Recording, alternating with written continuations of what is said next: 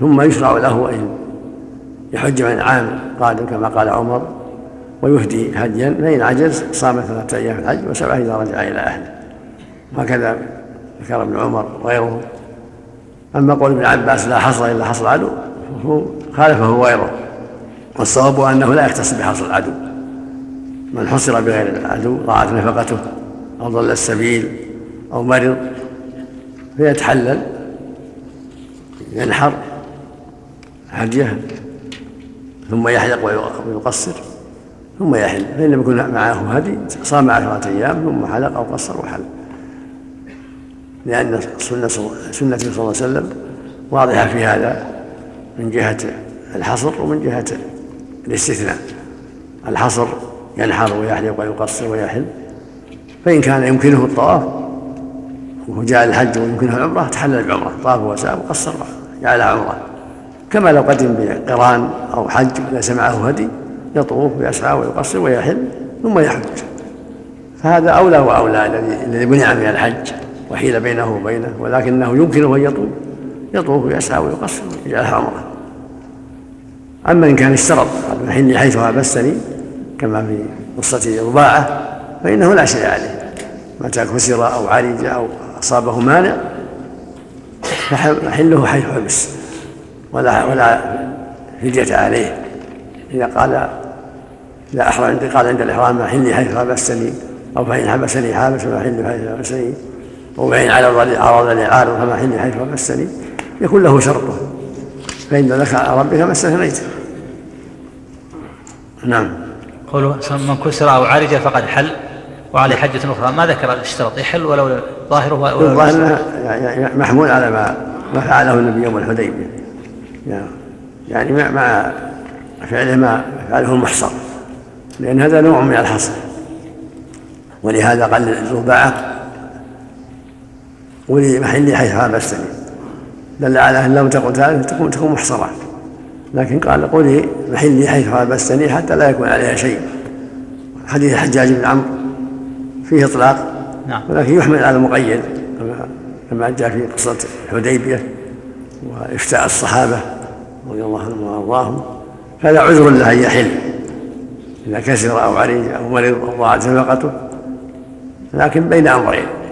إن استطاع أن يطوف ويسعى ويتحلل فعل وإلا نحر هديه وحلق أو قصر وكفى. الإهداء في الحجة القادمة. هذا مثل ما أفتى عمر وجماعة. نعم. واجب الإهداء نعم. الإهداء في في في ما ما ما, عليه شيء ظاهر. يعني ما ما عليه دليل ظاهر.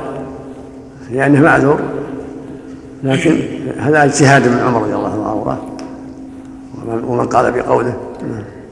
ولا هو معلوم النبي صلى الله عليه وسلم ما جعل عليه فدية يوم يوم أحسر بل أمر أمرهم أن ينحروا هديهم اللي معهم. ويتحللوا. فإذا لم يجد هديا صام عشرة أيام. أما هؤلاء الذين محصور بمرض أو غيره إن كان معهم هدي ذبحوه وإن كان معهم هدي حللوا بعمرة إن كان هناك عمرة إن كان أمكنهم العمرة. فإن كان ما أمكنهم عمرة مثل ما قال الله فإن أحسنتم ثم استلزم الهدي. يحرم يذبح الهدي فإن عجز فالصيام. في القضاء. الهدي في القضاء. نعم. إذا قضى هذه الحجة. قضاها حجا مفردا. هذا هذا محل بحث. وجوبها من إذا صار طاف حال بعمرة. قد تحلل به النسك الطواف وسعى. حل. هم الصحابة منعوا. ما ما حلوا. يوم الحديبية هم هذا اللي طاف وسعى. يعني الأظهر والله أعلم أنه لا شيء عليه. لكن إذا فعل ما قال عمر رضي الله عنه وارضاه من الإهداء أو الصيام هذا وجه. قال صلى الله عليه وسلم عليكم بسنتي وسنة الخلفاء الراشدين المهديين تمسكوا بها وعضوا عليها بالنواجذ وله لا يظهر أن رسول الله صلى الله عليه وسلم قال لرباعة حل حيث حبستني بالعذر ولم يجعل عليها هادي. وهذا نعم. الاشتراط لا بد فيه من التلفظ. نعم لا بد من التلفظ. مثل ما قال قولي. نعم. أفضل أفضل مو بلازم. إذا خاف من مرض أو عدو أفضل. النبي ما اشترط لما كان حج آمنا في حجة الوداع لم يشترط والصحابة لم يشترطوا لأنهم آمنون. وإنما قال هذا لربعة لما كانت مريضة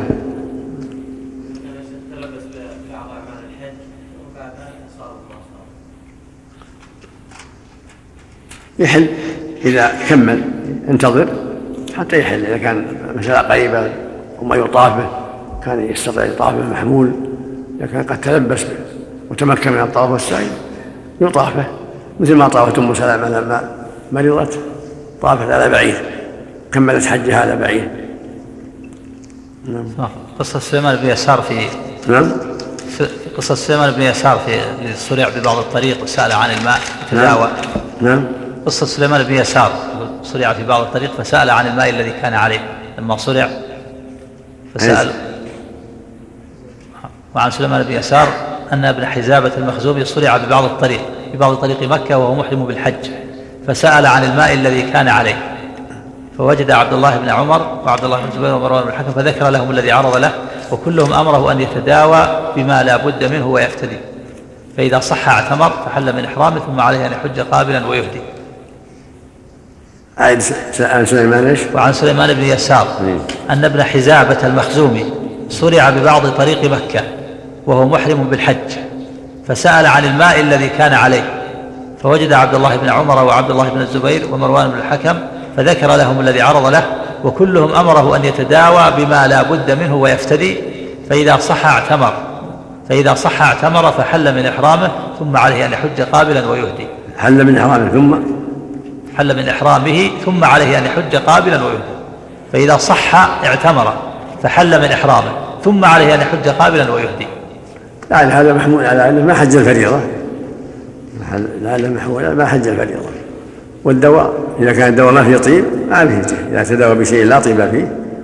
أما إذا كان فيه طيب أو فيه أو فيه تغطية الرأس هذا يفتدي مثل ما فعل كعب بن عجرة في أمر النبي صلى الله عليه وسلم. ويكمل عمرته. يحل بعمره. وإذا كان أحرم بحج هذا وجه والده يحج من قابل يعني لأنه قد أوجب الحج وفسخ هذه المصلحة يبقى عليه الحج. لأنه قد أحرم به مثل الذي الذي حج قارنا أو مفردا ثم فسخ الحج إلى العمرة فإنه يطوف ويسعى ويقصر ويحل وعليه الهدي ويحج. هذا وجه ما من قال عن الحج لأنه لبى بالحج ثم عرض له العارض فيتحلل بعمرة ويحج من قابل. نعم. وعليه الهدي لأنه في حكم متمتع. المرأة اللي أداها في حين تحلل. هذا وجه هذا القول نعم. ما عليه شيء كملوا بس. إن كان قد أمكنه يكمل يكمل وإن كان ما أمكنه ينحر يقصر أو يحلق ويحل. النبي لما احصروا ما أمر ما قال عليكم عمرة. أمرهم بان ينحروا ويحلقوا ويقصروا ويحلوا. ثم اعتمر. العام القادم سمى عمرة القضية لكن لم يلزم أحدا من الناس. اعتبر معه من اعتبر ولم يثبت أنه ألزم أحدا بقضائها. صلى الله عليه وسلم. نعم. بعمره ويكفي. نعم. فنقول فسأل عن الماء الذي كان عليه. هنا. يعني سأل الناس يعني سأل من عليه من المفتين. هل عليها حد يعني يفتونه؟ دل عليه السياق. سأل عن يعني من عليه من أهل العلم. عن الماء. هناك فسأل عن الماء الذي كان عليه.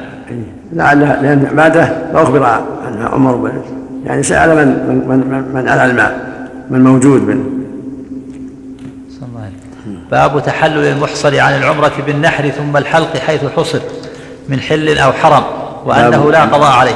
باب باب تحلل المحصر عن العمرة بالنحر ثم الحلق حيث حصر من حل أو حرم وأنه لا قضاء عليه. عن نعم. المسور ومروان في حديث عمرة الحديبية والصلح أن النبي صلى الله عليه وسلم لما فرغ من قضية الكتاب قال لأصحابه قوموا فانحروا ثم احلقوا. رواه أحمد والبخاري وأبو داود. وللبخاري عن المسور أن النبي صلى الله عليه وسلم نحر قبل أن يحلق وأمر أصحابه بذلك. وعن المسور ومروان قال قلد رسول الله صلى الله عليه وآله وسلم الهدي وأشعره بذي الحليفة وأحرم منها بالعمرة وحلق بالحديبية في عمرته وأمر أصحابه بذلك. رواه أحمد. وعن ابن عباس رضي الله عنهما قال إنما البدل على من نقض حجه بالتلذذ. فأما من حبسه عدو أو غير ذلك فإنه لا يحل ولا يرجع وإن كان معه هدي وعن ابن عباس. وعن ابن عباس رضي الله عنهما قال إنما البدل على من نقض حجه بالتلذذ. فأما من حبسه عدو أو غير ذلك فإنه يحل ولا يرجع وإن كان معه هدي. وإن كان معه هدي وهو محصر نحره إن كان لا يستطيع يبعث به وإن استطاع أن يبعث به لم يحل حتى يبلغ الهدي محله. أخرجه البخاري وقال قال مالك وغيره ينحر هديه ويحدق في أي موضع كان ولا قضاء عليه لأن النبي صلى الله عليه وسلم وأصحابه, وأصحابه بالحديبية نحروا وحلقوا وحلوا من كل شيء قبل الطواف وقبل أن يصل الهدي إلى البيت ثم لا يذكر أن النبي صلى الله عليه وآله وسلم أمر أحدا أن يقضوا شيئا ولا يعودوا له والحديبية خارج الحرم. كل هذا كلام البخاري في صحيحه. وهذا واضح. لأن إذا أحسر عن عن العمرة أو الحج نحر حجه وتحلل بعد الحلق أو التقصير. فإن عجز صام عشرة أيام عن ذلك. والنبي لم يأمر من أحسن معه أن يقضوا. أما الذي يحرم بالحج ثم فاته الحج تحلل بعمرة فهو يشبه الذين أحرموا بالحج أو بالقران ثم أمروا ثم أمروا بالتحلل. أن أرفقوا بهم هذا يشبهه فلهذا أمرهم عمر بقضاء الحج والفدية. لأنهم فاتهم الحج فتحللوا بعمرة. فأشبهوا الذين أحرموا بالحج أو أو القران ثم فسحوا العمرة. فإنهم فسحوا العمرة وعليهم الهدي وعليهم الحج. وهذا معنى واضح وجيه. رضي الله عنهم وأرضاهم. أحسن الله إليك. امرأة. نعم. أحسن الله إليك. امرأة طافت مع زوجها في السعي فقدت ثم لم تكمل سعيها وسافرت. إيش؟ أقول امرأة أحسن الله إليك ذهبت مع زوجها معتمرة. في الحج ولا عمرة؟ لا في عمرة أحسن الله إليك. وفقدته في أثناء السعي. ثم بعد ذلك لم تتم سعيها واعتمرت بعدها عدة عمر. فماذا عليها؟ الواجب عليها أن تذهب وتكمل سعي عمرتها التي عليها. اعتمرت بعد العمرة هذه؟ إي نعم اعتمرت. احسن اعتمرت احسن الله حج. الأغلب والله أعلم أن أول عمرة أتت بها بعد العمرة الأولى تكمل بها لأنها سعيها للعمرة الجديدة تكملت بها العمرة السابقة وتقصيرها تحلت بها. وصارت العمرة الثانية تكميل العمرة الأولى. ثم العمرة الأخرى على بابها ما في شيء. حج أحسن الله نعم السعي الحج. نعم. ما اعتمرت. عمرا بعد بعد العمرة الأولى. السعي في العمرة الثانية كمل العمرة الأولى. ولأنها ما زالت مشغولة بالعمرة الأولى. فسعيها للثانية يكمل الأولى. وتقصيرها حل من الأولى. صارت حل عمرتين في عمرة في عمرة. فسعيها وتقصيرها حصل به التحلل وعمرها الأخيرة على حالها. فإن كان زوجها وطئها فعليها الفدية ذبيحة وعليها أن تقضي عمرها التي الذي وطئها فيها. وإذا كانت اعتمرت بعدها صارت قضاء عمرة من من من الميقات اللي أحرمت بالأولى منه. صارت قضاء للأولى إذا كانت أحرم أتت بأدة عمرة بعد الوطن. وإن كانت ما أتت بشيء عليها عمرة جديدة كما أفتى الصحابة بهذا لكن أحسن الله إليك ما يشترط أن تنوي نعم. العمرة هذه. نعم أقول اعتمرت عمرة جديدة ولم تنوي أن ولو ولو ولو لأن المعنى واحد. المعنى واحد. ومثل لو كان لو كان في سعي الحج ثم اعتمرت مثل معنى نعم. مثل لو كان في سعي الحج ثم اعتمرت بعد ذلك. لو كان هذا في سعي الحج. ثم اعتمرت في هذا محل نظر هذا محل نظر لأن ما نوت الحج نوت العمرة. قد يقال عليها أن تسعى عمرة هذه على بابها لأن قد حصل التحل الأول وعليها أن تسعى بنية الحج. نعم. من حصل الحلال بعمرة؟ المحظورات الأخرى أحسن الله الحلال بعمرة. ألا يشبه من نوى الحج متمتعا؟ بعد أن اعتمر بدأ له ولا يحج ما يكون لا لا ما دام جاء العمرة ما ما يصير شيء. ما دام العمرة يحسن يتحلل الحمد لله. لكن تقصد من ناحية الهدي؟ ألا يشبه هذا من ناحية أنه لا ما عليه. عليه الهدي. عليه هدي الإحصار بس. عليه هدي الإحصار. ذبيحة واحدة أو سواء بدل أو سواء بقرة ثم ينحر ثم يقصر ويحل لو فات فوات. نعم؟ لو فات فوات مثلا يعني فات الحج ثم تحلل بعمرة ألا يشبه من من نوى أن يحج متمتعا؟ هذا هذا اللي يحتاج عمر جعل عليهم حج مقابل وعليهم حجة شبههم بمن؟ أحرم بالعمرة والحج جميعا أو بالحج وحده. ثم تحلل العمرة. شبههم شبههم بهذا يعني من بدل لا يعني بعد ما طافوا ساعة وبدل لا يحج لا ما عليه شيء ما عليه متمتعا. شبههم بحال شبههم عمر بمن؟ حج قارنا أو مفردا ثم تحلل العمرة فإنه يحج ويهدي كما أفتى النبي صلى الله عليه وسلم.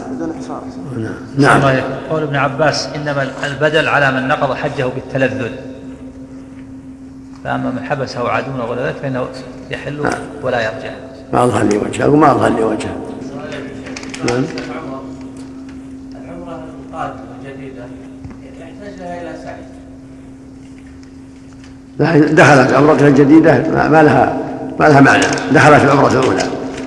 ما لها ما لها نسك. مكملة. لا- لأنه ما ما زال محرما.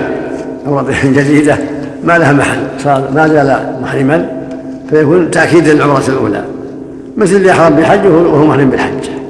إحرام بالحج الجديد ظن أن الحج الأول فاسد وهو مو فاسد. يصير مؤكد للإحرام الإحرام الأول. ولا يضره كمل والحمد لله. لو استعملت محظورات أخرى غير نعم. أقول لو قصرت شعرها وتطيب. هذا معلش لأجل الجهل. أحسن الله إليك. نعم. أبواب الهدايا والضحايا. باب في إشعار البدن وتقليد الهدي كله. عن ابن عباس رضي الله عنهما أن رسول الله صلى الله عليه وسلم صلى الظهر بذي الحليفية. صلى الظهر بذي الحليفة ثم دعا ناقته فأشعرها في صفحة سنامها الأيمن وسلت الدم عنها وقلدها نعلين ثم ركب راحلته فلما استوت به على البيداء هل بالحج رواه أحمد ومسلم وأبو داود والنسائي. وعن المسور وعن المسور بن مخرمة ومروان قال خرج رسول الله صلى الله عليه وسلم من المدينة في بضع عشرة في بضع عشرة مئة من أصحابه حتى إذا كانوا بذي الحليفة قلد النبي صلى الله عليه وسلم الهدي وأشعره وأحرم بالعمرة رواه أحمد والبخاري وأبو داود وعن عائشة رضي الله عنها قالت فتلت قلائد بدن بدن رسول الله صلى الله عليه وسلم ثم أشعرها وقلدها ثم بعث بها إلى البيت فما حرم عليه شيء كان له حلا متفق عليه. وعن عائشة رضي الله عنها أن النبي صلى الله عليه وسلم أهدى مرة إلى البيت غنما فقلدها. رواه الجماعة. بسم الله الرحمن الرحيم. الحمد لله وصلى الله وسلم الله أما بعد هذه الأحاديث الأربعة كلها تتعلق بالهدي وإشعار البدن النبي صلى الله عليه وسلم في الحديبية خرج من المدينة في ألف وأربعين وزيادة. للعمرة ومعه الهدي قال أشعرها بدن وإشعارها جرح السنام حتى يبين الدم وتقلد بنعل أو غيرها من القلائد التي يعرف بها أنها هدي. فإذا وصلت إلى الحرم تنحر هناك. فلو عطبت تركت للفقراء. يأكلونها تنحر توزع على الفقراء. ولا يكون منها صاحبها الذي معه شيء. حماية له من عدوانه عليها. فالذي معه الهدايا لو عطبت لا يكون منها شيء ولا يفقته والحكمة في ذلك لئلا يتجرؤوا عليها ويتساهلوا في حفظها. والإشعار وإن كان فيه بعض الألم لكنه لمصلحة لمصلحة شرعية كما تنحر الدابة للأكل. فالله أباح هذا وهذا لمصالح لمصالح العباد. والهدي يكون مع الإنسان في عمرته أو في حجته أو بدون ذلك. وقد أهدى النبي صلى الله عليه وسلم في حجته وأهدى في عمرته صلى الله عليه وسلم وأهدى من دون حج ولا عمرة. بعث الهدي إلى المدينة إلى مكة من دون من دون عمرة ولا حج كما قالت عائشة رضي الله عنها وهو مقيم في المدينة. فكل هذا جائز. إذا أهدى من إبل أو بقر أو غنم في حجته أو في العمرة أو بعث بها من وطنه إلى إلى مكة تنحر هناك وتقسم على الفقراء كله كله شرعي نعم. تقليد علينا. والهدي والقلائد شيء تجعل في الرقبة علامة على أنها هدي. والشعار للإبل خاصة.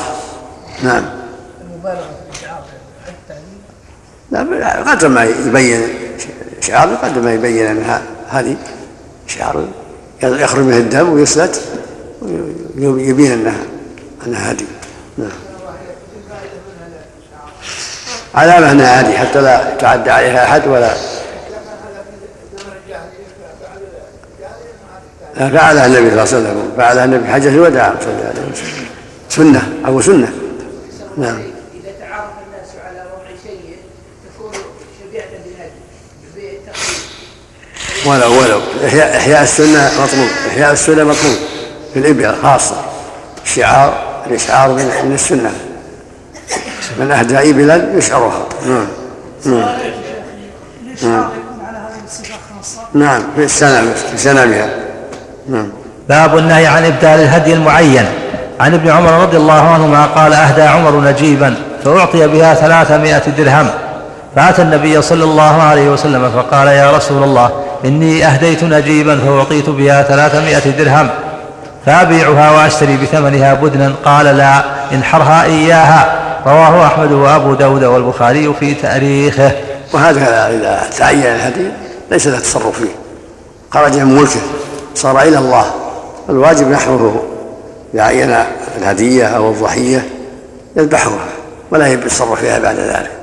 نعم. باب أن البدنة من الإبل والبقر عن سبع شياه وبالعكس. عن ابن عباس رضي الله عنهما أن النبي صلى الله عليه وسلم أتاه رجل فقال إن علي بدنة وأنا موسر لها ولا أجدها فأشتريها. فأمره النبي صلى الله عليه وآله وسلم أن يبتاع سبع شياه فيذبحهن. رواه أحمد وابن ماجه. وعن جابر رضي الله عنه قال أمرنا رسول الله صلى الله عليه وسلم أن نشترك في الإبل والبقر كل سبعة منا في بدنة. متفق عليه. وفي لفظ قال لنا رسول الله صلى الله عليه وسلم اشتركوا في الإبل والبقر كل سبعة في بدنة رواه البرقاني وعلى شرط الصحيح على شرط الصحيحين. وفي رواية قال اشتركنا مع النبي صلى الله عليه وسلم في الحج والعمرة كل سبعة منا في بدنة. فقال رجل لجابر رضي الله عنه أيشترك, أيشترك في البقر ما أيشترك في البقر ما يشترك في الجزور؟ فقال ما هي إلا من البدن. رواه مسلم.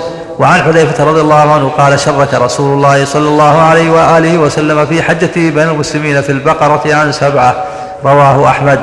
وعن ابن عباس رضي الله عنهما قال كنا مع النبي صلى الله عليه وسلم في سفر فحضر الأضحى فذبحنا البقرة عن سبعة والبعير عن عشرة رواه الخمسة إلا أبا داود. وهذه الحديث هذه الحديث كلها تدل على أنه لا بأس في الاشتراك في الإبل والبقر. في الهدايا والضحايا كما فعل الصحابة في عهد النبي صلى الله عليه وسلم في حجة الوداع البدنة يشترك فيها سبعة والبقرة كذلك. أما الشاه فعن واحد عن الرجل وأهل بيته. وأما حديث ابن عباس فهو مخالف للأحاديث الصحيحة في العشرة البعيد عن العشره وإنما هذا كان في قسم الغنائم. كان جعل البعيد عن العشره في قسم الغنائم. على حسب غلائها وما تقاوم وتقارب من جهة الغنم. فإذا كانت قيمتها تساوي عشر من الغنم لا بأس في الغنائم عند عند قسم الغنائم. لما قول فسر تساوي عشرة من الغنم. أما في الحج في الهدي والضحية فهي عن سبعة. مثل ما حديث جابر وغيره الحديث الصحيح. نعم. يصير هذا يعني وهم. نعم. يصير وهم هذا. ولا في الأضحى. الظاهر أنه وهم إنما هو في قسم الغنائم. نعم. كما جاء في حديث رافع بن خديج في الغنيمة أنه عدل البعير بعشر من الغنم قسم الغنائم. صرح به رافع وغيره. نعم ما في صحيح البخاري ومسلم ان الرسول اهدى على ازواجه بقره وازواجه تسع قد يحددنا كلهم ضحى عنهم بالبقر. ما ما هو ما هو بلازم البقر هو بلازم انه يكون عن عن التسع. البقر سبعة عند الجميع عن سبعة. ولعله ذبح عن الثامنه والتاسعه شاتين. وهم ما فيهن عن التسع. نعم. انه ضحى احدى عن زوجاته بالبقر. ولا فيه تصريح بأن عن كذا ولا عن كذا. قد تذبح البقره عن واحد أيضا. لو ذبح واحد عن نفسه بقرة أو لا بأس. عن واحد. أو ضحى بها عن واحد عن نفسه لا بأس. أو ضحى بها عن اثنين أو ثلاث أو أربعة لا بأس. لكن النهاية سبعة. النهاية في الإبل والبقرة سبعة. هذه النهاية في الضحايا والهدايا لكن لو ذبحها عن واحد أو عن اثنين أو ثلاثة لا بأس. زوجات النبي صلى الله عليه وسلم تسع فإذا ذبح عنه بقرة احتيج إلى زيادة شاتين نعم. الله إليك. لو أراد بدل الكبش ضحى ببعير. لا بأس. يقال أفضل من الكبش أم يقال في عن سبعة عن عن سبعة نعم. أولاد الهدايا تبع الهدايا. نعم. أولاد الهدايا والأضاحي تبع إذا كان معها ولد تبعها. إن ذبحها فلا بأس وإن وإن ما ذبح الأم لا بأس. وهو لازم هو مخير إن شاء ذبح الولد وإن شاء ما ذبحه إلا إذا عينه. وأنه يكون مع أمه. هدية ذبحه. بعد التعيين. نعم. ولدت بعد التعيين. لابد تعيين. أما إذا ما عين إلا إلا الأم ما يتبعها الولد. نعم. يقول ولدت بعد التعيين. نعم. يقول الولادة حصلت بعد التعيين. تبعها. الولادة بعد التعيين تبعها. نعم. إذا صارت الولادة بعد التعيين تبعها. نعم. ولو كان صغير نعم. والعقيقة حكمها أيضا كذا نعم. لو لو كان لشخص ثلاثة أولاد ذبح لهم بعيرا؟ لا السنة لا. السنة غنم. العقيقة غنم. النبي صلى الله عليه وسلم ذكر الغنم عن الغنم شاتين وعن الجارية الشاة. السنة عن في العقيقة الغنم في رمضان ما يفعله بعض الناس. ما يسمى عشاء الوالدين يذبح بعض الغنم وي- ويقدمها للفقراء والمساكين. صدقة لا بأس لا, لا حرج ما على وجه لكن صدقة في رمضان. يا رمضان تضاعف فيها الحسنات فإذا ذبح قسم ذلك على الفقراء عن نفسه أو عن أهل بيته أو جمعهم اغتناما لفضل رمضان أو العشر من ذي مم. أحسن الله إليك. لو كانت الشاة مثلا دافع ثم قال وإن ولدت قبل يوم العيد فولدها لن أذبحه فولدت قبل يوم العيد. الله أعلم. نعم. باب ركوب الهدي. عن أنس رضي الله عنه قال رأى رسول الله صلى الله عليه وسلم رجلا يسوق بدنة فقال اركبها. فقال إنها بدنة. قال اركبها. قال إنها بدنة قال إنها بدنة قال اركبها قال إنها بدنة ثلاثا متفق عليه. ولهم من حديث أبي هريرة رضي الله عنه نحوه وعن أنس رضي الله عنه أن النبي صلى الله عليه وسلم رأى رجلا يسوق بدنته وقد أجهده المشي فقال اركبها قال إنها بدنة قال اركبها وإن كانت بدنة. رواه أحمد والنسائي. وعن جابر رضي الله عنه أنه سئل عن ركوب الهدي فقال سمعت رسول الله صلى الله عليه وآله وسلم يقول اركبها بالمعروف إذا ألجئت إليها حتى تجد ظهرا. رواه أحمد ومسلم وأبو داود والنسائي. وعن علي رضي الله عنه أنه سئل يركب الرجل هدية؟ فقال لا بأس به. قد كان النبي صلى الله عليه وسلم يمر بالرجال يمشون فيأمرهم بركوب هديهم. قال ولا تتبع قال ولا تتبعون شيئا أفضل من سنة نبيكم صلى الله عليه وآله وسلم. رواه أحمد. وهذا يبين لنا لا بأس بركوب الهدي. إذا احتاج إليه يركب فإذا كان معه بدنة لا يمشي يركبها. بالمعروف يرفق بها. الحمد لله. لا يمشي وهي وهي خالية وهي تستطيع. مثل ما أمر النبي قال اركبها اركبها وإن كانت بدنة صلى الله عليه وسلم نعم. ويلك أو ويحك صلى عليه وسلم باب الهدي يعطب قبل المحل. عن أبي قبيصة ذؤيب بن حلحلة قال كان النبي صلى الله عليه وسلم يبعث معه بالبدن ثم يقول إن عطبت إن عطب منها شيء فخشيت عليها موتا فانحرها ثم اغمس نعلها في دمها ثم اضرب به صفحتها ولا تطعمها أنت ولا أحد من أهل رفقتك. رواه أحمد ومسلم وابن ماجه. وعن ناجية الخزاعي وكان صاحب بدن رسول الله صلى الله عليه وسلم قال قلت كيف أصنع بما عطب من البدن؟ قال انحره واغمس نعله في دمه. واضرب صفحته وخل بين الناس وبينه فليأكلوه. رواه الخمسة إلا النسائي. وعن هشام بن عروة عن أبيه أن صاحب هدي النبي صلى الله عليه وآله وسلم قال يا رسول الله كيف أصنع بما عطب من الهدي؟ قال كل قال كل بدنة عطبت من الهدي فانحرها ثم ألق قلائدها في دمها ثم خل بين الناس وبينها يأكلوها. رواه مالك في الموطأ عنه. وهذا يبين أن الهدي إذا عطب سواء غنم أو بقر أو إبل يذبح حتى لا حتى لا تضيع ماليته ولا يضيع على المسلمين. إذا عطب يعني أصاب بلاء ما يستطيع الوصول إلى إلى مكة. فإنه ينحر تنحر الإبل تذبح البقر والغنم تومس قلائدها في دمها وتعلق عليها علامة أنها هدي حتى يأكلها من من تيسر من البادية والمارة وأما صاحبها الذي هو الوكيل عليها لا يأكل لا هو ولا رفقته والظاهر والله أعلم والحكمة أن ذلك سد لذريعة التساهل في حفظها. لأن قد يتساهل وما دام بيأكل منها قد يتساهل أو يدعي أنها عطبت فكان من حكمة الشرع أن حرم عليه أن يأكل منها هو ورفقته سد لذريعة التساهل. ولكن تترك للناس المارة والمحتاجين. من من مر عليها أخذ منها ما شاء لأنها قد قد ذبحت. لكن لو تيسر نقلها من اليوم تيسر. لما جاءت السيارات الآن متيسر نقلها إلى الحرم حتى ولو عطبت. لأن السيارات الآن تنقل الإبل وغير الإبل. لكن في سابقا إذا عطبت ما فيها حيلة إلا أن تبقى. نعم عليك يا شيخ له الانتفاع بها قبل ذلك نعم. قل له الانتفاع بالهدي من شرب اللبن وحمل المتاع. نعم يحتاج إلى ذلك. اللبن يشربه لا يضيعه حمل المتاع إذا يحتاج إلى ذلك فلا يشق عنها ما يحب. مثل ما يركبها. نعم. ركوب الهدي سنة يعتبر إذا دعت الحاجة. سنة. هم إذا دعت الحاجة.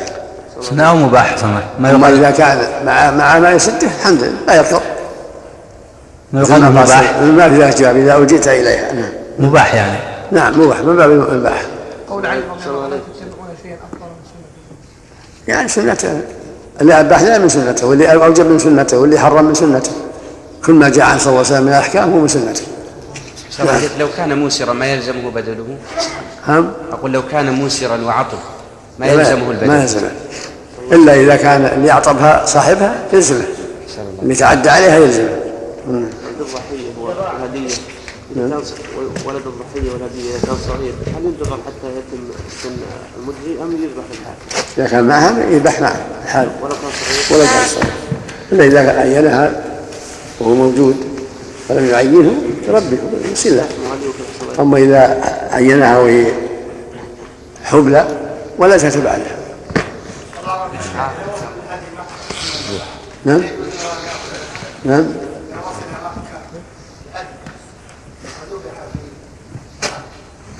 لا للفقراء ولا يكذب للفقراء. للفقراء للفقراء. فقراء الحرم الإشعار يكون للغنم كما يكون للإبل مو بالظاهر لا. نعم. يكون خاص بالإبل نعم. الإشعار يكون خاص بالإبل الإبل خاصة نعم. الإشعار الإبل. نعم. تقليد البقر والغنم تقليد البقر والغنم نعم. صح أن الأفضل من الضأن الجدع ولولا ذاك لما اختار لما اختاره الله لنبي الله إبراهيم. لا هو بس أقل أقل مجزي يوجد أقل مجزي يجزي جزاء من الضال أقل هو افضل أفضل ما هو أفضل منه. النبي ضحى بكبشين أقرنين كبيرين لكن الجدع أقل مجزي والثاني من المال ما هو افضل أحد الأفضلية أحسن الله ما أعرف فيها ما أعرف فيها شيء صح يدل على الافضليه إنما يدل على العزة فقط. باب الأكل من دم التمتع والقران والتطوع. نعم في حديث جابر رضي الله عنه في صفة حج النبي صلى الله عليه وسلم. قال ثم انصرف إلى المنحر فنحر ثلاثا وستين بدنة بيده ثم أعطى عليا فنحر ما غبر وأشركه في هديه ثم ثم أمر من كل بدنة ببضعة فجعلت في قدر فطبخت فأكلا من لحمها وشربا من مرقها. رواه أحمد ومسلم وعن جابر رضي الله عنه أن النبي صلى الله عليه وسلم حج ثلاث حجج حجتين قبل أن يهاجر. وحجة بعدما هاجر ومعها عمرة فساق ثلاثا وثلاثين بدنة وجاء علي من اليمن ببقيتها فيها جمل لأبي لهب في أنفه برة من فضة فنحرها وأمر رسول الله صلى الله عليه وسلم في كل بدنة ببضعة فطبخت وشرب من مرقها رواه الترمذي وابن ماجه وقال فيه جمل لأبي جهل. وعن عائشة رضي الله عنها قالت خرجنا مع رسول الله صلى الله عليه وسلم لخمس بقين من ذي القعدة ولا نرى إلا الحج. فلما دنونا من مكة أمر رسول الله صلى الله عليه وسلم من لم يكن, من لم يكن معه هد إذا طاف وسعى بين الصفا والمروة أن يحل. قالت فدخل علينا يوم النحر بلحم بقر. فقلت ما هذا؟ فقيل نحر رسول الله صلى الله عليه وسلم عن أزواجه متفق عليه. وهو دليل على الأكل من دم القران لأن عائشة كانت قارنة. بسم الله الرحمن الرحيم. الحمد لله وصلى الله وسلم على رسول الله. أما بعد هذه الأحاديث فيه الدلالة على فيها الدلالة على شرعية الأكل من لحم الهدي هدي التمتع والقران. قد دل القرآن على هذا في قوله جل وعلا ليشهدوا منافع لهم ويذكروا اسم الله في أيام على ما لهم مما ينسون عنه. فكلوا منها واطعموا البائس الفقير. الله شرع لنا الأكل والإطعام. السنة للحجاج أن يأكلوا من هداياهم ويتصدق سواء كان متمتعا أو قارنا أو مفردا وتطوع بالهدي السنة يأكل من هدي ويتصدق. ولهذا أمر لما حج صلى الله عليه وسلم حجة الوداع أهدى مئة بدنة نحر منها ثلاثة وستين بيده وأمر علي أن ينحر البقية ثم أمر من كل بدنة ببضعة طبخت وشرب من لحمها وشرب من مرقها وأكل من لحمها. فدل على شرعية الأكل. والله نص على هذا كما تقدم. والنبي صلى الله عليه وسلم أكل من هديه. وهكذا الصحابة أمرهم النبي يأكلوا منها ويتزودوا ورجعوا منها بشيء إلى المدينة. كل هذا على جواز الأكل من الهدي. وفي هذا أنه صلى الله عليه وسلم نحر عن زوجاته البقر. الامر واسع في هذا. البدنه عن سبعة والبقرة عن سبعة كما في النبي صلى الله عليه وسلم في عام الحديبية وهي حجة الوداع. فالسبع فالبدنه تذبح عن سبعة والبقرة عن سبعة والشاة عن واحد. والسنة أن يأكلوا من هداياهم من ابلهم وبقرهم السنة أن يأكلوا منها ويطعموا ويتصدقوا ويتزودوا. لا حرج في ذلك سواء كان الهدي هدي تمتع أو قران أو هدي تطوع. وفي من الفوائد. قوة صلى الله عليه وسلم بيان قوة صلى الله عليه وسلم. كن نحر 63 في حال في وقت واحد ضحوتين والعيد. هذه قوة عظيمة عليه الصلاة والسلام. لا 63 بدأ. ثم نحر عليه البقية ثم طبخ منها ما طبخ ثم سافر إلى ثم تحول إلى مكة. طيبته. طيب. كما قالت عائشة ثم توجه إلى مكة. فطاف طواف الحج وصلى مكة الظهر. ثم رجع فصلى بالظهر منى بمن في منى من الناس من الصحابة الذين لم يتحولوا معه. فإنه جاء صلى الله وصلى مكة الظهر وجاء أن صلى مكة صلى بمنى الظهر. وجاء بينهما أنه صلى مكة الظهر أولا صلاة الفريضة فلما رجع وجد بعضهم لم يصلي من الصحابة صلى بهم فكانت له نفعه ولهم فرض. وفيه من الفوائد جواز الاستحلاف في النحر والذبح لا لا يلزم الإنسان يباشر. لو وكل غيره فلا بأس ان يذبح عنه وينحر عنه كما فعل النبي مع علي رضي الله عنه. نعم. لكن أحسن الله النساء أزواج النبي صلى الله عليه وسلم. ما علمنا به كذلك لا يعطى جاز منها شيء. نعم. ما علمنا أزواج النبي بذلك نعم. أقول أزواج النبي صلى الله عليه وسلم ما علمنا. إلا هو المسؤول عنهم. ما يشترط النية في هذا. يظهر من هذا أنه المسؤول عليه الصلاة والسلام لما حج بهم. نعم. هذا يدل على أن اللي يحج بناس. نعم. يكون هو المسؤول عن هداياهم. نعم. ولا يحتجنون ولا يحتاج شيء. النية يعني لأنه تكفل بهم. قولوا فيه جمل لأبي لهب وجمل لأبي جهل. نعم. قولوا فيه جمل لأبي لهب. في بعض ابن ماجه فيه جمل لأبي جهل. فيها الإبل نعم هذه. فيه برة الله يعني على إظهار لإهانة الخبيث وأن الله جل وعلا أمكن منه حتى صار هذا الجمل من جملة الهدايا. نعم لإظهار عزة الإسلام وإهانة الكفر. نعم.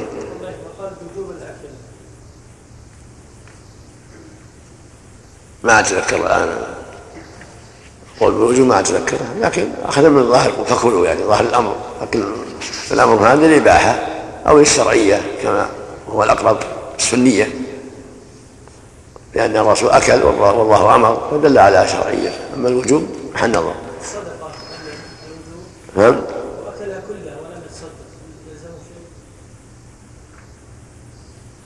المشروع أنه يأكل ويصدق. هذا مشروع. يأكل ويتصدق هذا مشروع أما الوجوب محل نظر. لكن بعض أهل العلم يرى وجوب الصدقة ولو بقليل. في هذه الرواية فساق ثلاثا وثلاثين بدنة. وجاء نعم. علي من اليمن ببقيتها. نعم. في وجاء فساق النبي صلى الله عليه وسلم ثلاثا وثلاثين بدنة. وجاء علي من اليمن ببقيتها. يعني ما أخذ من المدينة إلا 33 في هذه رواية 60 أو 63 في رواية الترمذي هذه وأنت علي بالباقي مرة ينحر ما بقى. ما قرر ما بقي يعني. تمام المئة نعم.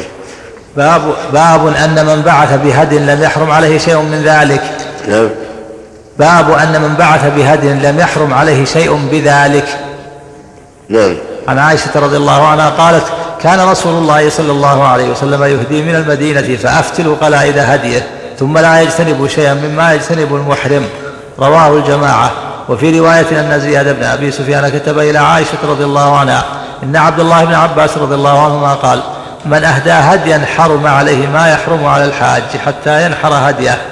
فقالت عائشة رضي الله عنها ليس كما قال ابن عباس أنا فتلت قلائد هدي رسول الله صلى الله عليه وسلم بيدي ثم قلدها بيده ثم ثم بعث بها مع أبي فلم يحرم على رسول الله صلى الله عليه وسلم شيء شيء حله الله له حتى نحر الهدي.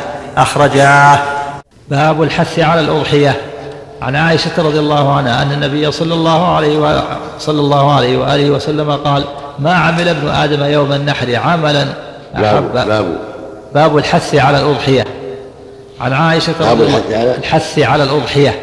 الأضحية نعم نعم. عن عائشة رضي الله عنها أن النبي صلى الله عليه وسلم قال ما عمل ابن آدم عملا أحب إلى الله من هراقة دم وإنه ليأتي يوم القيامة بقرونها وأظلافها وأشعارها وإن الدم ليقع من الله عز وجل بمكان قبل أن يقع على الأرض فطيبوا بها نفسا. رواه ابن ماجه والترمذي وقال هذا حديث حسن غريب. وعن زيد بن أرقم رضي الله عنه قال قلت أو قالوا يا رسول الله ما هذه الأضاحي؟ قال سنة أبيكم إبراهيم. قالوا ما لنا منها؟ قال بكل شعرة حسنة. قالوا فالصوف. قال بكل شعرة من الصوف حسنة. رواه أحمد وابن ماجه. وعن أبي هريرة رضي الله عنه قال قال رسول الله صلى الله عليه وسلم من وجد ساعة من وجد ساعة فلم يضحي فلا يقربن مصلانا. من من وجد ساعة فلم يضحي فلا يقربن مصلانا. رواه أحمد وابن ماجه. وعن ابن عباس رضي الله عنهما قال قال رسول الله صلى الله عليه وسلم ما أنفقت الورق في شيء أفضل من نحيرة في يوم عيد. رواه الدار قطني. هذه الأحاديث فضل الضحايا الضحايا سنة في كل عام. وأما الأحاديث هذه فيها اسانيدها كلام. ولكن العمدة في هذا أنه ضحى صلى الله عليه وسلم. كان يضحي كل سنة كبشين املحين أما هذه الأحاديث التي فيها بيان ان ما عمل ابن آدم عمل في يوم يضحى من رقه دم. ولا تأتي بأشعارها إلى آخره كلها أحاديث فيها بعض الضعف ولكن العمدة في هذا فعله صلى الله عليه وسلم. في الصحيحين أنه كان كل سنة يضحي بكبشين أملحين والله جل وعلا يقول لقد كان لكم في رسول الله أسوة حسنة.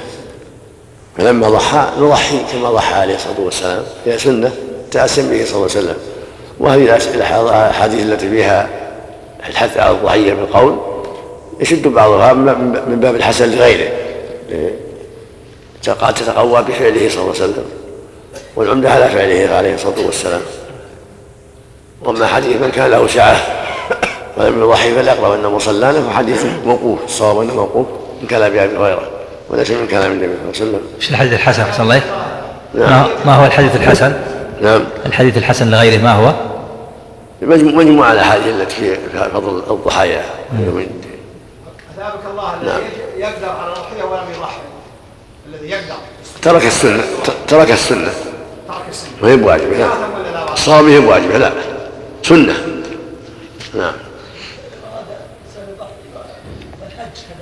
نعم. نعم.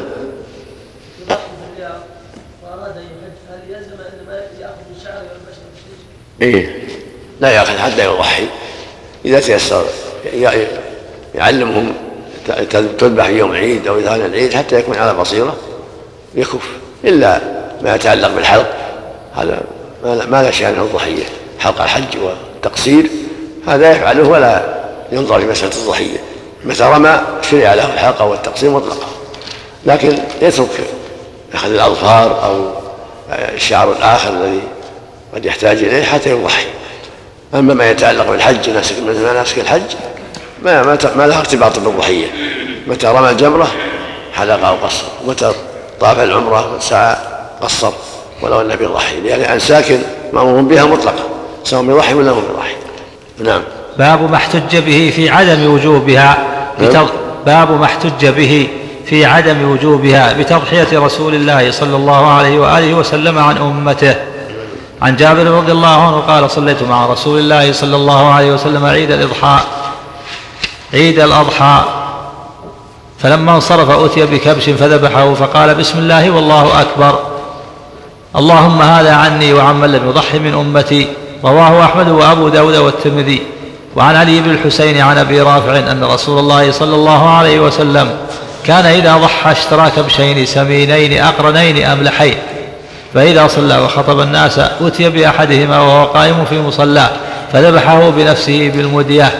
ثم يقول اللهم هذا عن أمتي جميعا من شهد لك بالتوحيد وشهد لي بالبلاغ ثم يؤتى بالآخر فيذبحه بنفسه فيقول هذا عن محمد وآل محمد فيعطيهما جميعا للمساكين ويأكل هو وأهله منهما فمكثنا سنين ليس رجل من بني هاشم يضحي قد كفاه الله المؤونة برسول الله صلى الله عليه وسلم والغرب رواه أحمد. هذا كان صلى الله عليه وسلم يضحي بكبشين كل سنة. أحدهما عنه وعن بيته والثاني عنه. من وحد الله من أمته. احتج بهذا بعضهم على أنه لأن هذا دليل على أنه لا يجب على الأمة وإنما يستحب. تعسم من النبي صلى الله عليه وسلم وأن الضحية تستحب ولا تجب لأن الرسول ضحى عن الأمة وقام مقامها. ولكن أحسن من هذا في الاستدلال قول صلى الله عليه وسلم إذا دخل شهر ذي الحجة وأراد أحد أن يضحي فل- فلا يكن من شعائره ولا من اطفاله شيء وهو أراد. دل على انه يتعلق بإرادة الإنسان. ولم يأمر الناس بان يضحوا. وقال إذا أراد إذا دخل شهر ذي الحجة وأراد أن يضحي فلا ياخذ من شعره ولا من أظفاره شيئا. وما كان يتعلق بالإرادة دل على عدم الوجوب وأنه مستحب فقط. والحديثين كبش- ضحيته بالكبشين؟ هذا في في في زمانه عليه الصلاة والسلام. أما وحد الله من أمته في زمانه في محله عليه الصلاة والسلام وقته. هو المقصود وين كان يحتمل العموم المراد به من يأتي بعد لكن الذي يظهر المراد به الموجودين ولم يضحي من أمته الموجودين. ما صح الليل يختلف سهل ليلة العيد ما يصلح ما بعد جوات سهل ليلة النشر أو ليلة ما يخالف. ليلة أيام التشريق ما يخالف. أما ليلة العيد لا ما بعد دخل وقت وقت بعد صلاة العيد. قصدي بعد العيد. اي ما يخالف في الليل ما في بأس. النهار والليل جميعا. لكن النهار أفضل. لا بأس نعم. صحة الحديث الأخير أحسن الله إليك. نعم قدموا من الرياض متمتع بالحج لما بالعمرة إلى الحج وطافوا ساعة وفكر يحرمنا من المدينة وهو راجع ما ما حرم من البداية لا الأح- الأحوط له ان يحرم بعمره. أو بالحج من المدينة. إذا راح المدينة بعد عمرته ثم أراد الرجوع فالأحوط له ان يحرم بالحج من المدينة. أو بعمرة جديدة. لعموم قول صلى الله عليه وسلم هن لهن اتى عليهن من غير أهل مما أراد الحج. وهذا أتى من المدينة يريد الحج. فالأحوط له في هذا أنه يحرم بعمرة جديدة أو بالحج ويبقى على إحرامه حتى يكمل الحج. لأنه أدى العمرة الأولى. ف... فينبغي له يحتاط لدينه لأنه الآن قد أتى من المدينة ومر الميقات يريد الحج. فالذي ينبغي له أن يحرم في هذه الحالة. وإن لم يحرم وإنما أحرم مكة فنرجو ألا يكون شيء. لأجل الشبهة أنه قد أدى النسك يعني أدى نسك العمرة. إن بدا احتياط إن بدأ لترك الميقات هذا حسن إن شاء الله. لقوله صلى الله عليه وسلم دع ما يريبك وما اتقى الشبهات. لأن الظاهر وجوب الإحرام عليه من المدينة لما جاء ناقة قاصدا الحج من المدينة أن يحرم من الميقات صلى الله عليك شيخ إن ذبح هو أحوط. عليك من قال ان إن اللي من أراد التضحية الأضحية فانه ينهى عن الشعر تشبها بالحجاج. نعم. يعني ينهى عن أن يأتي أظفاره أو شعره تشبها بالحجاج الذي يريد الأضحية. فإذا كان الانسان يريد الحج والأضحية ورمى الجمره ونحر فقد حصل المقصود أن يبقى كذا هذا صحيح. ولا لا؟ الله أعلم. نعم.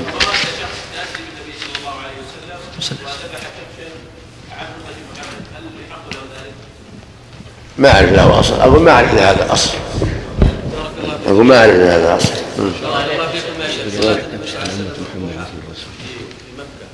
مسافر ألا يدل هذا على جواز صلاة النافلة بالسفر؟ المسلم متبع لا مبتدع. المسلم عليه الاتباع والاقتداء. النبي صلى الضحى صلى الضحى اوتر في الليل اوتر النهار تهجد في الليل تهجد في السفر. ترك راتبة الظهر والمغرب والعشاء في الفجر تر- نترك. صلى راتبة الفجر نصليها في السفر. نحن متبعون. الله جل وعلا قال قل إن كنتم تحبون الله فاتبعوني يحببكم الله. وقال سبحانه لقد كان في رسول الله أسوة حسنة. ما فعل فعل نفعل وما ترك تركنا. هذه السنة. نعم. في الجنة ذبح الأضحية في المصلى خاصة بالإمام أو لكل من أراد النبي صلى الله عليه وسلم ذبحها بعد الصلاة بعد الأحد ليعلم الناس السنة ليعرف السنة وأن السنة استقرت الحمد لله. يذبح في بيته ويوزع في بيته على بصيرة السنة قد عرفها الناس. ما عندهم في حاجة إلى ذبيحة تذبحها في المصلى. ما هم في حاجة إلى هذا. الرسول فعل على ذلك يعلم الناس يحصل الناس صلى عليه وسلم.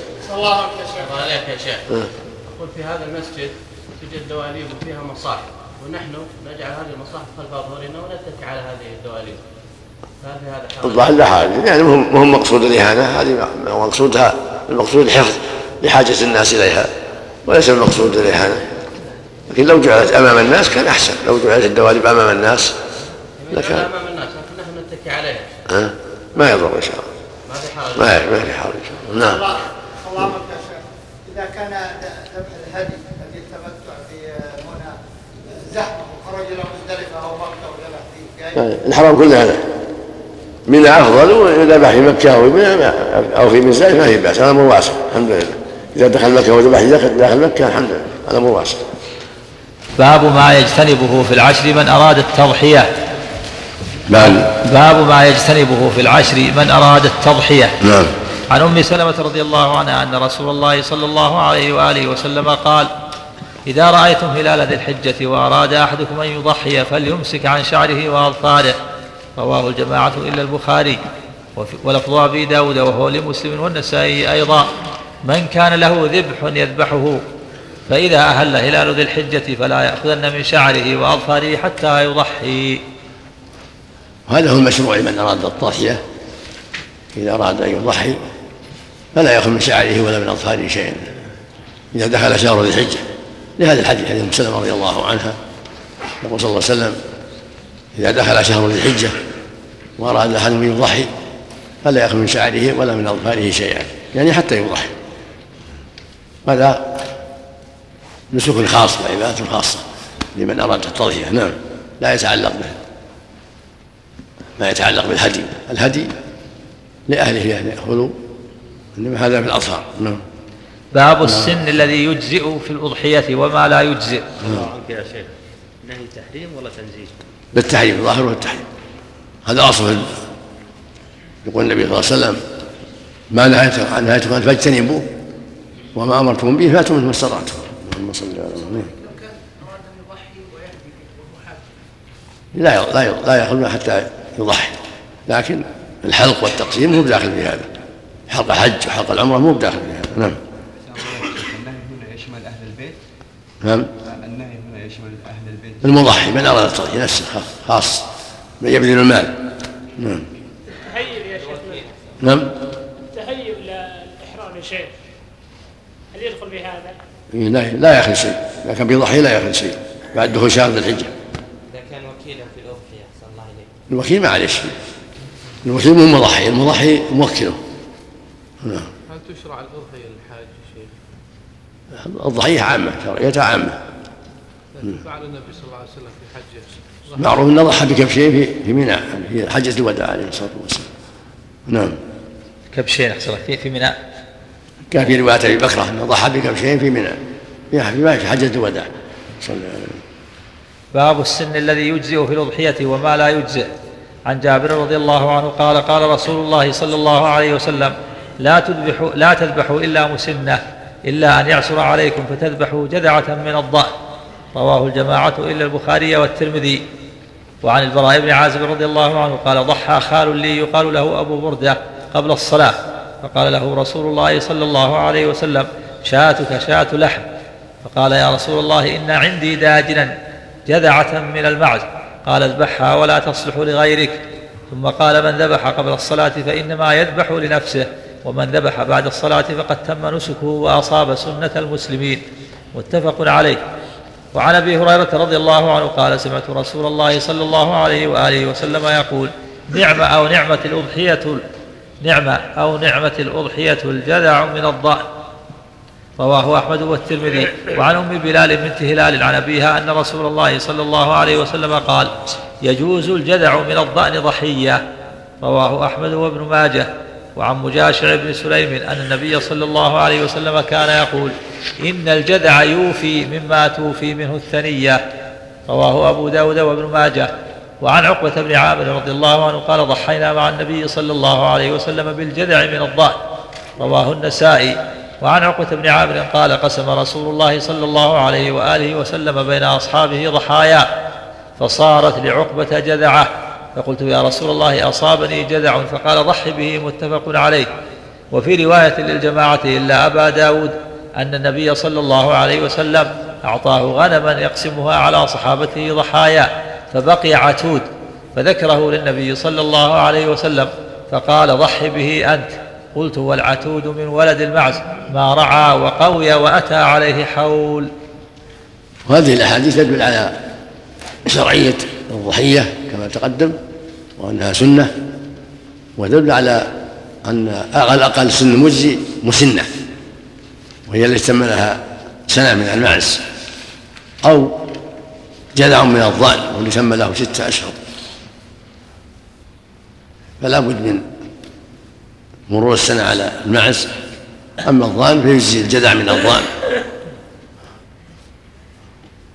وفيه وفي هذه الأحاديث دلالة على أن السنة ذبحها بعد الصلاة ذبح الضحية بعد صلاة العيد. وأن من ذبحها قبل الصلاة فلا فليس الضحية. ولهذا قال لأبي بردة لما ضحى قبل الصلاة قال اذبح مكانها. قال عندي عتول قال اذبحها ولن تجزي عن أحد بعدك. جد عنده عناق من قال اذبحها ولم تجزي عن أحد بعدك. هذا خاص ببردة. وإلا فغيره لا بد من كون الضحية قد بلغت السنة من المعز أو جذع من الضان قد تم له ستة أشهر فأكثر نعم. وفيه من الفوائد أن من من كانت ضحيته قبل الصلاة فإنها شاة لحم وإنما الضحية تكون بعد الصلاة. نعم. اللهم صل نعم. نعم. العقيقة سنة. شاتان. نعم. جذع من الضان أو ثني من الماس غنم السنة غنم. العقيقة عن الذكر ثنتان وعن الأنثى واحدة. متكافئتان. هذه السنة. نعم. لكن هل على اشتراط السن في العقيقة دليل نعم. هل عليها دليل اشتراط بالقياس إلى الاضحيه ذبيحة العقيقه ذبائح ما اتذكر شيء الآن لكن القياس على الضحية كافي لأنها مثلها. ولكن ما أتذكر الآن تصريح في السن. فيه تصريح شاتان مكافئتان وعن انتهى واحدة. باب ما لا يضحى به لعيبه وما يكره ويستحب. عن علي رضي الله عنه قال نهى رسول الله صلى الله عليه وآله وسلم أن يضحى بأعظم القرن أن يضحى بأعظم القرن والأذن. قال قتادة فذكرت ذلك لسعيد بن المسيب فقال العضب النصف فأكثر من ذلك. رواه الخمسة وصححه الترمذي ولكن لكن لكن ابن ماجه لكن ابن ماجه لم يذكر قول قتادة إلى آخره. وعن البراء بن عازب رضي الله عنه قال قال رسول الله صلى الله عليه وسلم أربع لا تجوز في الأضاحي العوراء البين عورها والمريضة البين مرضها والعرجاء البين ضلعها والكسيرة التي لا تنقي. رواه الخمسة وصححه الترمذي. وروى يزيد ذو مصر قال أتيت عتبة بن عبد السلمي فقلت يا أبا الوليد إني خرجت ألتمس الضحايا. فلم أجد شيئا يعجبني غير ثرما. فما تقول؟ قال ألا جئتني أضحي بها؟ قال سبحان الله تجوز عنك ولا تجوز عني؟ فقال نعم إنك تشك ولا أشك. إنما نهى النبي صلى الله عليه وسلم عن المصفرة والمستأصلة والبخقاء والمشيعة والكسرى. فالمصفرة التي تستأصل أذنها حتى يبدو صماخها والمستأصلة التي ذهب قرنها من أصله. والبخقاء التي تبخق عينها والمشيعة التي لا تتبع الغنم عجفا وضعفا والكسراء التي لا تنقي. رواه أحمد وأبو داود والبخاري في تاريخه. ويزيد ذو مصر بكسر الميم والصاد المهملة الساكنة. وعن أبي سعيد رضي الله عنه قال اشتريت كبشا أضحي به فعاد الذئب فأخذ الألية. قال فسألت النبي صلى الله عليه وسلم فقال ضح به. رواه أحمد وهو دليل على أن العيب الحادث بعد التعيين لا يضر. وعن علي رضي الله عنه قال أمرنا رسول الله صلى الله عليه وآله وسلم أن نستشرف العين والأذن وأن لا نضحي بمقابلة ولا مدابرة ولا شرقاء ولا خرقاء رواه الخمسة وصححه الترمذي. وعن أبي أمامة بن سهل قال كنا نسمن الأضحية بالمدينة وكان المسلمون يسمنون. أخرجه البخاري. وعن أبي هريرة رضي الله عنه أن النبي صلى الله عليه وسلم قال دم عفراء أحب إلى الله من دم سوداوين. رواه أحمد. والعفراء التي بياضها ليس بناصع. وعن أبي سعيد رضي الله عنه قال ضحى رسول الله صلى الله عليه وسلم بكبش أقرن فحيل يأكل في سواد ويمشي في سواد وينظر في سواد. رواه الخمسة إلا أحمد وصححه الترمذي. بسم الله الرحمن الرحيم. الحمد لله وصلى الله وسلم على رسول الله وعلى آله وأصحابه. أما بعد هذه الأحاديث التي ذكرها المؤلف كلها تتعلق بالأضاحي المجزئة وغير المجزئة وأن السنة للمؤمن أن يتحرى في وضحيته السليمة من العيوب حتى يتقرب بأحسن ما يجد. لأن الله جل وعلا أحق بأن يتقرب إليه بأفضل الموجود وأن المؤمن يتقرب إلى الله بما هو أنفع وأفضل في قرباته من ذبائح وهكذا في صلاته وهكذا في صومه كل ما أكمل وسعة في طاعته لله وتقربه إليه كان ذلك أفضل وأكمل لأنه سبحانه أهل لأن يتقى وأهل لأن يتقرب إليه بأحب الأشياء إليه سبحانه وتعالى. ولهذا أوصاهم صلى الله عليه وسلم بأن يعتنوا بهذه الأضاحي وكان يضحي بكبشين أملحين أقرنين عليه الصلاة والسلام. فيذبح أحدهما عنه وعن البيت والثاني عن من وحد الله من أمته عليه الصلاة والسلام. هكذا ينبغي الأمة تعتني بالأضاحي وأن تضحي بالشيء الطيب السليم ولهذا قال صلى الله عليه وسلم أربع لا تجوز الأضاحي. العوراء البين عمرها والأرجاء البين ضلعها والمريضة البين مرضها والهزيلة والأضاغ الكثيرة التي لا تنقي. ليس في نقي يعني يخ يعني ضعيفة يتحرى المؤمن في ضحاياه السليمة من العيوب. كذلك الأعظم الذي قد قطعت أذنه أو قرنه لا يضحى به نوع خامس. وكذلك يلاحظ السلامة أيضا حتى من العيوب القليلة يكون لا شرقة ولا خرقة يكون فيها شرق شرق أو غرب تكون كاملة. هذا هو الأكمل والأفضل. أما الشيء اليسير يعفى عنه. ولهذا قال أربع لا تجب إلى الله. الأرجاء البين ضلعها دل على الضلع اليسير يعفى عنه. والمريضة البين مرضها المرض اليسير يعفى عنه. وهكذا العورة ومن باب أولى العمياء من باب أولى وهكذا الهزيلة التي ما فيها نقية ضعيفة جدا. مشي خفيف فلا بأس. وكانوا يسمنون الضحى يعتنون بها ويسمنونها ويعتنون بها فهكذا ينبغي المؤمن ان يتأسى بالسلف الصالح في استسمان الضحية. ولا بأس أن يكون فحل أو أنثى لا حرج. كونه أبيض أو أسود أو أعفر أو كحيل. في في سواد ينظر في سواد. يبرق في سواد يعني مخلوط بياض وسواد لا بأس. اللون لا يضر. كون فحل أو غير فحل أو أنثى كل هذا لا يضر. المهم يتحرى السليم من جهة اللحوم من جهة الخلقة. كونها سليمة في خلقتها كونها غير هزيلة فيها لحم طيب لأن المراد التقرب إلى الله. والتقرب إلى الله ينبغي يكون بأفضل ما تجد وبخير ما يجد. ينال الله لحومها ولا دماؤها. ولكن يناله التقوى منكم. فالمؤمن يتحرى الخير في قرباته في هديه في ضحيته في صلاته في صومه في صدقاته في غير ذلك. يتحرى ما هو الأفضل مهما أمكن. لأنه يتقرب إلى ملك عظيم يريد فضله وجوده وكرمه سبحانه وتعالى. وهو سبحانه يرضى بالقليل. على حسب الطاقه اتقوا النار ولا بشق تمرة. المهم الاخلاص لله والصدق. وكل ما جاد العبد بالأفضل والأطيب والأحسن كان الأجر أكثر وأفضل. نعم. الخراج عفى الله عنك التي خرج في الأغنام في الآونة الأخيرة. سم أقول الخراج الذي خرج في الأغنام. إذا كان لا يضرها ما إذا كان شيء يسير ما يضر. إذا كان الخراج لا يضر ولا يغير اللحم ما يضر. نعم أحسن قول المؤلف العيب الحادث بعد التعيين لا يضر. كذلك إذا كان عينها ثم جرى عليها شيء يذبحها. خلد منها شيء أو قطعت أذنها أو أصابها شيء يذبحها على ما هي ما دام عينها ضحية. نعم. نعم. الهدي اللي يعطى نعم. بالنسبة للشركات اللي تاخذ الهدي وينقلونه إلى خارج المملكه هل هذا جائز؟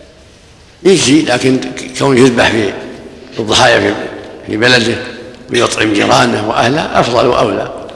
أما الهدية التي هي واجبة عن محظور أو ترك واجب تذبح في مكة الأخرى من الحجاج. هذه ينبغي الخلافه يكون فيها في مكه أما الضحايا وهذا يتطوع وهذه التمتع والقرآن فهذا يأكل ويطعم. سواء في مكة ولا في غير مكة. نعم. بارك الله فيكم شيخ. نعم. الافضل ان يشتري أضحية غالية أو يشتري بثمنها أكثر من الاضحيه كل ما كان أسمن أو أكمل فهو أحسن أحسن من الواحدة الطيبه أحسن من ثنتين. الضعيفات دون شيء دون. بارك الله فيك يا شيخ. هناك في السوق هذه الأيام. قلما يجد الإنسان اضحيه سليمة مقطوعه الأذن لأنهم يجعلونها علامة الذين يبيعون الاغنام على كل حال يلتمس القطع اليسير يعفى عنه إذا كان يسير يعفى عنه لكن يلتمس السليمة من العيوب مرة واحدة. يلتمس. إذا كان شق في الأذن من بدايتها إلى نهايتها. ما يضر لكن السليمة أفضل. نعم. إذا عطبت إذا عطبت يذبحها ويذبح بدلا عنها ولا؟ ظاهر حديث ابن سعيد أنها تجزئه إذا كان بعد ما عينها نعم. حتى ولو قبل يوم النحر إلا في الهدي لا الهدي اذا عطب يذبح ينحره في محله. الهدي التطوع الهدي التطوع كما قال صلى الله عليه وسلم. ينحر في محله ويجعل عليه علامته النعل حتى يكون من يمر عليه ولا عليه شيء ما دام هدي تطوع أما الهدي الواجب فلا بد يذبح شيء ويجزي وكان صورة القرن أو الإذن أسمن من غيره من يضحي بها ان كان القرن ذاهب كلها كان شيء يسير يعفى عنه وان كان ذهب القرن كلها واكثرها لا. أو كلها واكثرها لا. ولو أسمع. نعم. صلى الله في فرق بين الهدي الواجب وهدي التمتع في الذبح بمكة؟ هدي التمتع فيها. وأمره واسع. ولهذا كان الصحابة يأكلون ويتزودون إلى المدينة. لكن الذبح كله في مكة. الذبح في مكة. لكن بس اللحم. صلى الله هدي في منى أو مكة هدي. لكن له أن يتزود أما الضحايا الضحايا أمرها واسع. أما ما كان عن ترك واجب أو فعل محرم هذا لا لا يخرج عن مكة. لابد يقسم فيه فقراء مكة. لقوله جل وعلا ينبغي الكعبة نعم. يدل على ضعف جاء الأحاديث ضم بعضها إلى بعض. أو الأحاديث ضم بعضها إلى بعض. نعم. ضعيف الأحاديث الحديث صحيح. يضحى بعظم قرن صحيح. نعم. نعم. أن نستشرف العين والأذن ولا نضحي بمقابلة ولا مدابرة. نعم. حديث علي يقصد. حديث علي أن نستشرف الأذن وألا نضحي بمقابلة هذا يدل على أن ينبغي سلامتها سلامة كاملة. لكن ما تكون عوضة. إذا كان من بعض شيء يسير يعفى عنه لكن يكون نقص. السلامة منه أفضل. باب التضحية بالخصي. عن أبي رافع رضي الله عنه قال ضحى رسول الله صلى الله عليه وسلم بكبشين أملحين موجوئين خصيين وعن عائشة رضي الله عنها قالت ضحى رسول الله صلى الله عليه وسلم بكبشين سمينين عظيمين أملحين أقرنين موجوئين رواهما أحمد. وعن أبي سلمة بن عبد الرحمن عن عائشة وعن أبي هريرة رضي الله عنهم رضي الله عنهما أن رسول الله صلى الله عليه وسلم كان إذا أراد أن يضحي اشترى كبشين عظيمين سمينين أقرنين أملحين موجوئين فذبح أحدهما عن أمته لمن شهد بالتوحيد وشهد له بالبلاغ وذبح الآخر عن محمد وآل محمد رواه ابن ماجه. وهذا يدل على أنه لا بأس بالخصي. يضحى به سواء كان فحل أو خصي. خصاه لا لا يمنع من الضحية لأن الخصاه يزيده خيرا. خصي الفحل يزيده خيرا وسمنا وطيبا لحما سواء كان بعيرا أو ثورا أو ضانا أو ماسا. نعم. إليك حديث أغلاها وأنفسها عند أهلها نعم. صحيح سنة. نعم. أغلاها وأنفسها. لا نعم. نعم حديث صحيح صلى الله عليه نعم. أغلاها وأنفسها. نعم. صحيح نعم. الله عليك لمن عنده غنم مريضة يزكيها ويتركها على مرض. نعم. من عنده غنم مريضة يتركها حتى تموت أو يزكيها. إن كان فيها مصلحة يزكيها إن كان فيها حلم يأكلها يزكيها حتى ينفع بها الناس إن كان ما فيها حيل إن ذكاها فلا بأس وإن تركها حتى تموت فلا بأس. تراعى هذه العيوب عفى الله عنك حتى في العقيقة. نعم أيوة العقيقة العقيقة كذلك العقيقة مثل الضحية نعم. باب الاجتزاء باب الاجتزاء بالشاة لأهل البيت الواحد. عن عطاء بن يسار قال سألت أبا أيوب الأنصاري رضي الله عنه كيف كانت الضحايا فيكم على عهد رسول الله صلى الله عليه وسلم؟ قال كان الرجل في عهد النبي صلى الله عليه وسلم يضحي بالشاة عنه وعن أهل بيته. فيأكلون ويطعمون حتى تباهى الناس فصاروا كما ترى. رواه ابن ماجه والترمذي. رواه. رواه ابن ماجه والترمذي وصححه. وعن الشعبي عن أبي شريحة قال حملني أهلي على الجفاء بعدما علمت من السنة. وعن وعن وعن وعن الشعبي عن أبي شريحة. قال حملني أهلي على الجفاء بعدما علمت من السنة. كان أهل البيت يضحون بالشاة والشاتين. والآن يبخلنا جيراننا رواه ابن ماجه. نعم. بسم الله الرحمن الحمد لله وصلى الله وسلم على رسول الله وعلى آله وصحبه. أما بعد هذا الحديثان يتعلقان بالضحية والضحية سنة وهي ذبيحة تذبح في أيام النحر عيد النحر كل سنة بعد الصلاة. فعلها النبي صلى الله عليه وسلم والأصل في هذا أنه صلى الله عليه وسلم ضحى عن نفسه وعن أمته بكبشين أحدهما عنه وعن أهل بيته والثاني عن ووحد الله من أمته فدل على شرعيه الضحية. وان الواحد تكفي عن الرجل وأهل بيته. كما فعل النبي صلى الله عليه وسلم فإنها واحدة عنه وعن زوجاته وعن بيته. ومن زاد فلا حرج. لكن السنة السنة تحصل بواحدة كما ذكر أبو أيوب. نعم. بشريحه ولا بشريحه؟ نعم. بشريحه ولا بشريحه؟ سريحه فتح السين. نعم. عندنا شريحة. نعم. وقع شريحة. المعروف أبي سريحة بفتح السين. عقبة بن الحارث أبو سريحة. شوف التقريب؟ عقبة بن الحارث. حذيفة بن اسيد نعم. حذيفة بن اسيد ولا؟ نعم. حذيفة بن اسيد نعم. الصحابي حذيفة بن أسيد. هذا حذيفة بن أسيد هذا بالفتح أيضا. أبو حذيفة بن أسيد. نعم. بخلاف أسيد بن حضير هذا بالضم أسيد بن حضير أما هذا حذيفة بن أسيد. نعم. كم من ذم الصحابي نعم. كم من ذم ذم هؤلاء الصحابة للإكثار على الواحدة؟ كان وصفوا هذا بالتباهي محتمل محتمل. فإن القصد يختلف قد يكون قصد مباهاة وقد يكون يقصد الإنسان الزيادة لكثرة أهل البيت وكثرة المحتاجين. فإذا هذا لكثرة المحتاجين فليس من التباهي وإذا فعلها للمباهاة صار هذا مذموم ولعل الذي وقع أيما أشار له أبو أيوب لعل من هذا الباب. أنه اطلع على ناس فعلوا تباهيا نعم. حذيفة أحسن الله إليك. نعم. تقريبا. نعم. حذيفة بن أسيد أسيد. حذيفة بن أسيد الغفاري أبو سريحة بمهملتين مفتوح الأول صحابي من أصحاب الشجرة مات سنة اثنتين وأربعين مسلم والأربعة. فتح السين في- فيهم من أسيد فتح همزة في أسيد وفتح السين في سريحة. هو هو كذا عقبة بن الحارث أبو سريحة نعم. نعم. هو حذيفة هذا. نعم. وعندنا هو حذيفة اللي في السند حذيفة. أبي سريح. أبو سريحة عقبة بن الحارث وهذا حذيفة بن أسيد أبو سريحة أيضا. نعم. نعم. وعن الشعبي عن أبي سريحة قال حملني أهلي على الجفاء بعدما علمت من السنة. كان أهل البيت يضحون بالشاة والشاتين والآن يبخلنا جيراننا. رواه ابن ماجه. مثل ما تقدم. لما تباهى الناس ذاك يكون يذكر ان أنهم خلوه لما كانت ضحيتهم بواحد. مش كان المحشي على عليه؟ رواه ابن ماجه يقول. رواه ابن ماجه. تكلم عن الحاشي نعم. نعم. عن الشيء. اخرجه وأخرجه أيضا مالك في الموطأ.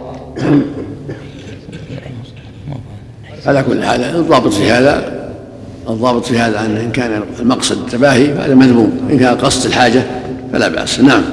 النيل موجود أحسن الله إليك. نعم. وصية الوالد بأن يذبح عن ابنه يذبح عنه في كل عيد. عن عنه وعن ابنه؟ مطلقا. لا عنك عنك هو. ما لا بأس لا بأس نعم.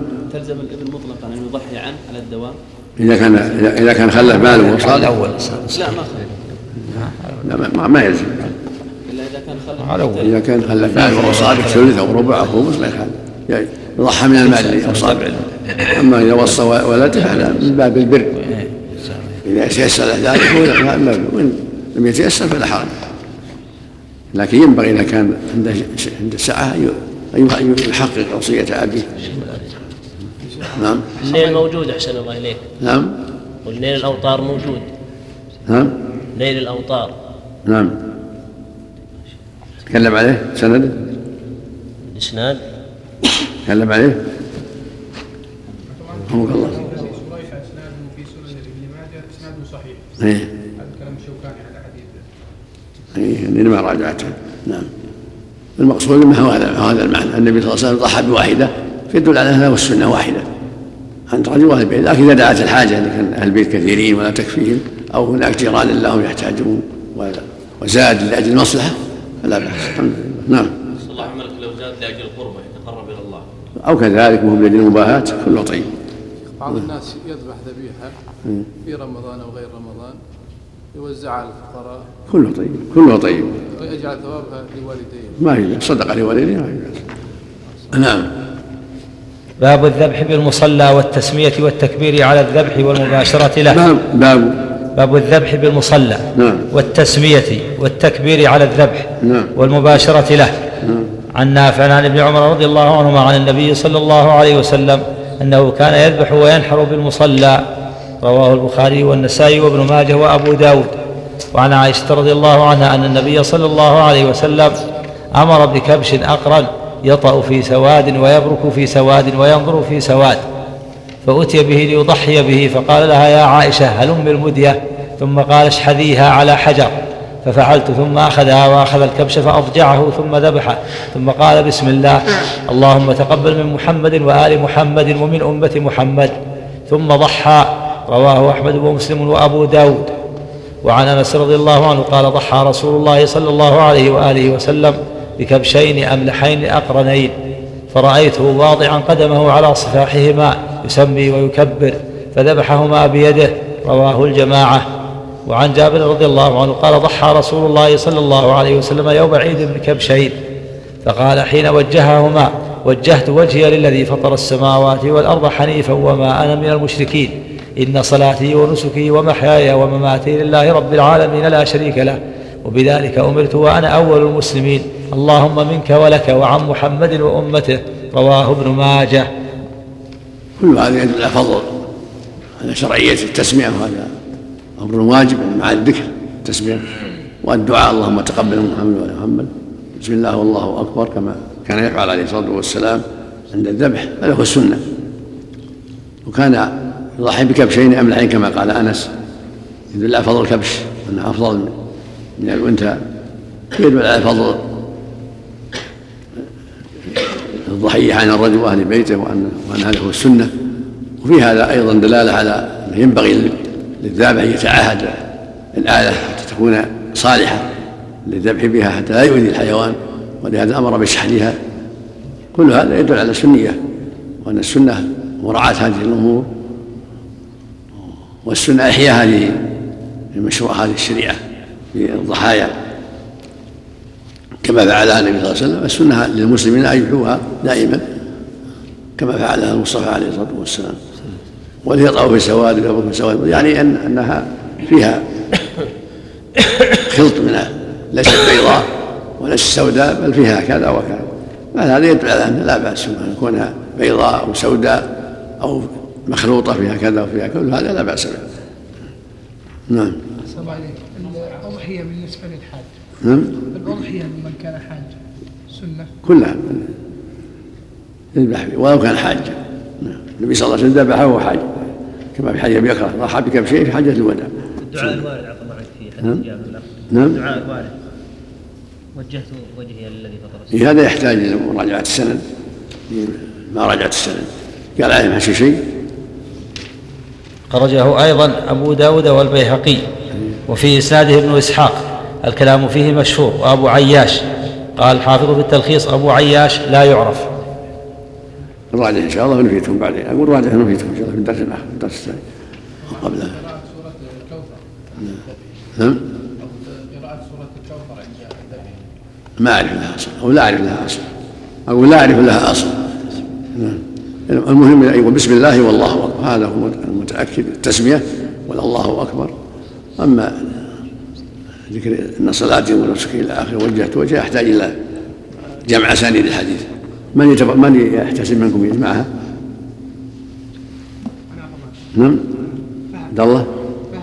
جزاك الله خير. حديث. اللهم اجعل وجهت وجه إلى اخره تجمعها وتقرا عنا في إن شاء الله في الاثنين الاتي نعم. جزاك الله خير. يعني اخشى أني أعدكم ولا يتيسر لي. نعم. أحسن الله إليك. نقل الأضحية إلى بلد آخر. نعم. أقول نقل الأضحية.